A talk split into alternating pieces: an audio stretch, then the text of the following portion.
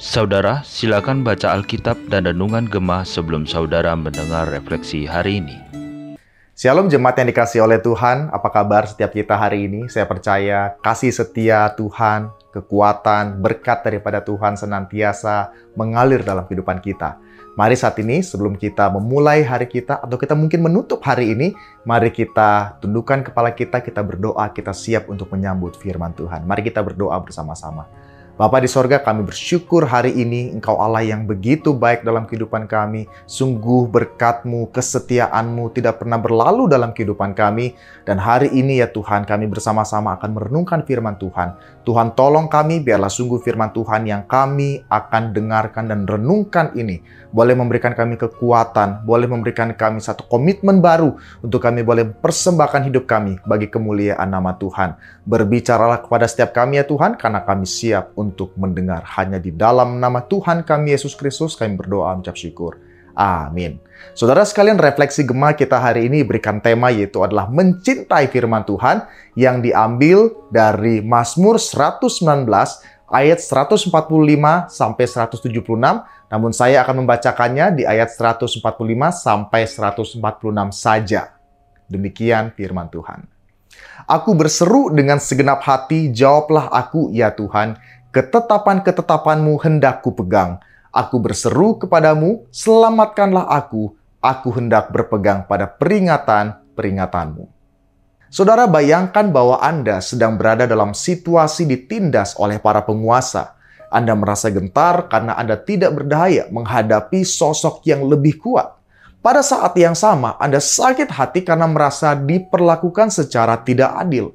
Saudara sekalian, inilah perasaan pemazmur saat sedang dikejar atau dianiaya menurut versi firman Allah yang hidup oleh para pembesar tanpa alasan. Kita bisa melihat di pasal 119 ayat 161. Para pembesar seharusnya membela dan melindungi pihak yang lemah dan tertindas, tetapi mereka justru menindas sang pemazmur. Namun ia melanjutkan bahwa hanya kepada firman Tuhanlah hatinya gemetar. Hal ini menunjukkan bahwa sang pemazmur sangat mempercayai firman Tuhan sehingga rasa takut dan hormat akan Tuhan dan firmannya melebihi rasa takutnya terhadap para pembesar yang mengejar dirinya. Saudara sekalian, di ayat 163, pemazmur kemudian mengontraskan dusta dengan Taurat Tuhan.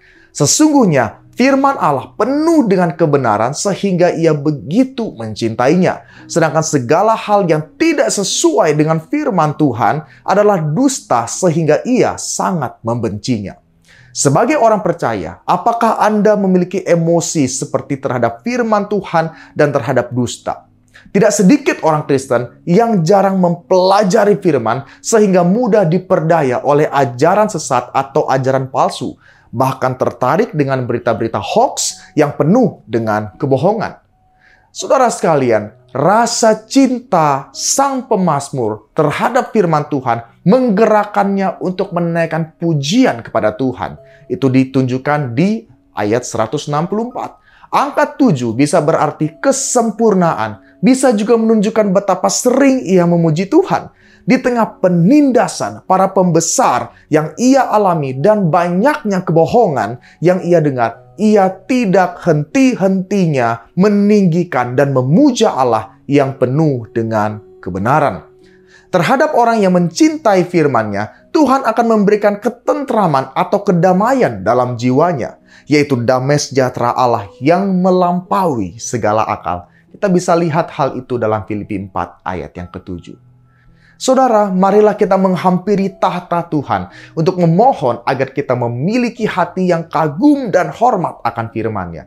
Biarlah Tuhan menambahkan kasih kita terhadap firman-Nya sehingga kita bisa memuji-muji Tuhan dengan segenap hati.